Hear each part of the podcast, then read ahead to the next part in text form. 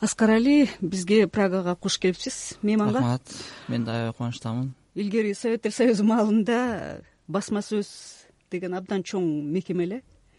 Ооба мамлекеттин керек болсо идеологиясын ишке ашырган кайсы бир деңгээлде ушул эл эмнени окуйт кандай маалыматка сугарылат деген иштин баарын көзөмөлдөп турган тескеп турган. Азыр эмне иш менен алектенесиздер? Азыркы учурда кыргыз басма сөзү кыргызстанда негизинен биздин биринчи максатыбыз. Эртең менен э, гражданиндер жумушка баратканда эртең менен саат сегизде свежий жаңы чыккан гезиттин номерин алыш керек.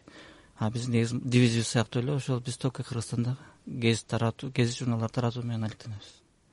Азыр ушул тапта кыргызстанда канча гезит журнал чыгып атат? Алардын канчасы окулуп атат канчасы окулбай ай сайын жок болуп баратат? жок болуп баратат эми биздин э, регистрация болгон жерлерин мындай карап көрсөк жетимиш сексендей гезит чыгат.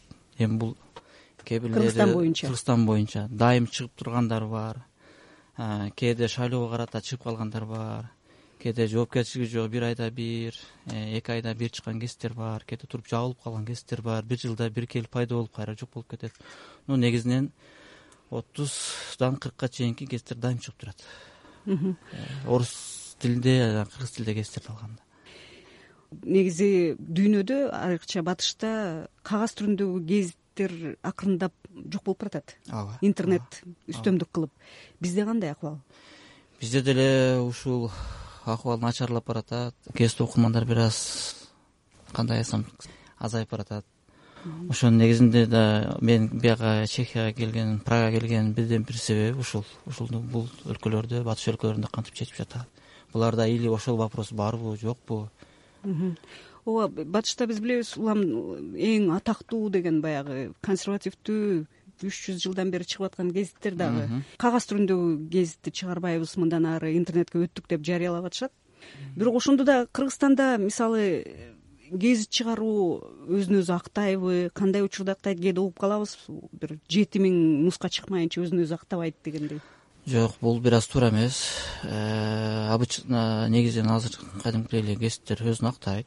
Э, гезитте жалаң эле информация сатуу эмес. Ал жерде дагы шоу бизнес реклама жаңылыктарды жарыялоо азыркы гезиттер деген көп кырлуу мурдагыдай бир тараптуу эмес. Ал жерде э, баягы мурда негизги бети бул саясат менен экономика болсо азыр э, рынок шартында ар кандай услугаларды көрсөтөт то есть кызматтарды.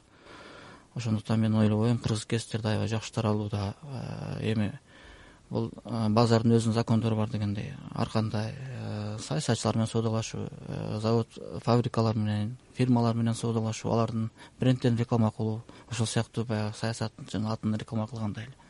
Мен муну эч качан андай жагынан ойлобойм гезиттер жакшы эле өнүгүп атат. Менин оюмча эми анча мынча баягы анча жакшы менеджмент жүргүзө алган гезиттер балким жабылып аткандыр. Эми гезиттин негизги максатына карата түптөрү менин билишимче эски гезиттер дагы эле бизде аябай жакшы эле кудайга шүгүр. Иштеп келатат эски гезиттер дегенде кайсылар мисалы? Кыргыз туусу эркин тоо мына азыр уже азыркы аябай кыргыз тилдүү гезиттерден супер инфо гезиттер например да вечерний бишкек. Аябай жакшы алардын өзүнүн студиялары бар өзүнүн не только гезит продукциясы бар ал дагы башка продукциялары көп. Э, башка контингенттер бизден башка дагы то есть гезиттен башка дагы телевидение например да. Ошондо гезит ээлерин кызматташкан тарап эң негизги тарап силерсиздерби же алар башка дагы бир ортомчуларды таап атышабы?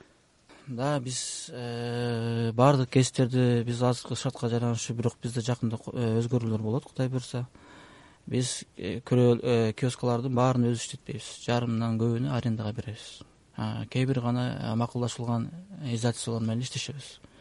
Обычно азыркы күндө биз баардык гезиттерди таратпайбыз бизге кичине экономикалык азыр кризиске байланыштуу кичине өзүбүздүн шартыбызга байланыштуу кээ бир гана гезиттерди таратабыз. Негизинен биз азыр арендага берип ижарага берип киоскабызды биздин негизинен киоскабызды арендага берип өзүбүздүн мурдагы тажрыйбалуу иштеп жүргөн сатуучуларыбыз иштейт.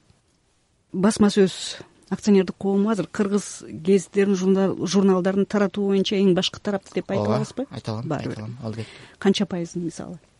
Азыркы күндө где то отуз кырк а негизинен мурдагы күндөрдү алып караганда биз азыр политикабызды бир аз которгонбуз. Бирок жакында мен бул жерге келгениmin себеби максаты да ошону кайра колго алайлы деп атабыз. А мурда сексен токсон процент кыргыз республикасында гезит таратуунун негизги биз болчубуз. Ошондо чехияга атайын булардын тажрыйбасын үйрөнөйүн кандай биз үчүн пайдалуу жактары бар деп тажрыйба алмашыш үчүн келиптирсиз? Кандай жаңы нерселерди үйрөндүңүз эми э, бул албетте биринчи очередь э, биз бул жерде досторго кат жазып ошо эки чоң компания бар экенин билчүбүз. Алар бизди жакшы кабыл алышты өздөрүнүн иштөө системаларын көрсөтүштү. Эми бизде эми негизинен мындай да. Э, гезит таратууда гезитти таратып коюп эле эме бүтүп калбайт да. Биз гезитти негизи мындай подряд алабыз аны деген киоскаларга жеткирип беребиз.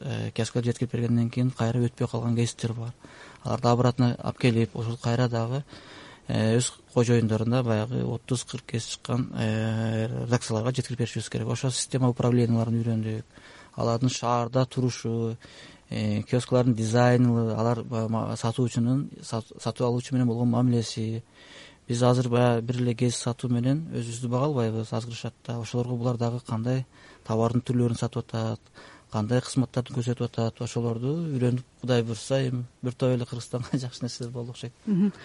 Бир жолу уккамда бир батыштык эле белгилүү журналист эми элестеткиле америка деген аймагы чоң өлкө эмеспи. Ошондо бир алыскы штаттагы бир кичинекей шаарга же кыштакка ушул гезитти жеткирип барганга канча чыгым кетет канча каражат кетет. Анын ордуна биз интернетке эле жайгаштырабыз. Ал арзан бекер бекерге тете болуп атат депчи. Анысы кандай силер мисалы ушу айылдарга да убагында жеткирип атасыңарбы жеткирүү ошо канча мындай бир топ эле каражат талап кылса керек?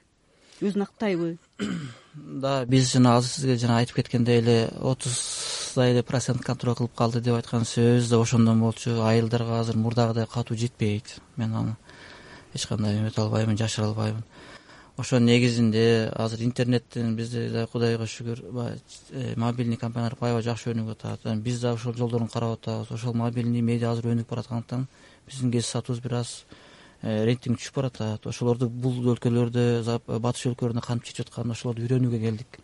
Эми кудай буюрса жакшы эле үйрөнүп атабыз. Эми азыр барып дагы модель башкармалыгын кичине өзгөртөлү деп атабыз кудай буюрса ошондо мисалы силер дагы мобилдик версияга өтүшүңөр мүмкүнбү да менде бир ошо пландарым бар. Азыр бул жерден жанагы господин адла менен сүйлөштүм. Бнстин зам э, вице президенти менен президенттин өзү менен сүйлөштүм. Алар да өзүнүн жакшы идеяларын айтып атат. Менин идеяларым да буларга жакты.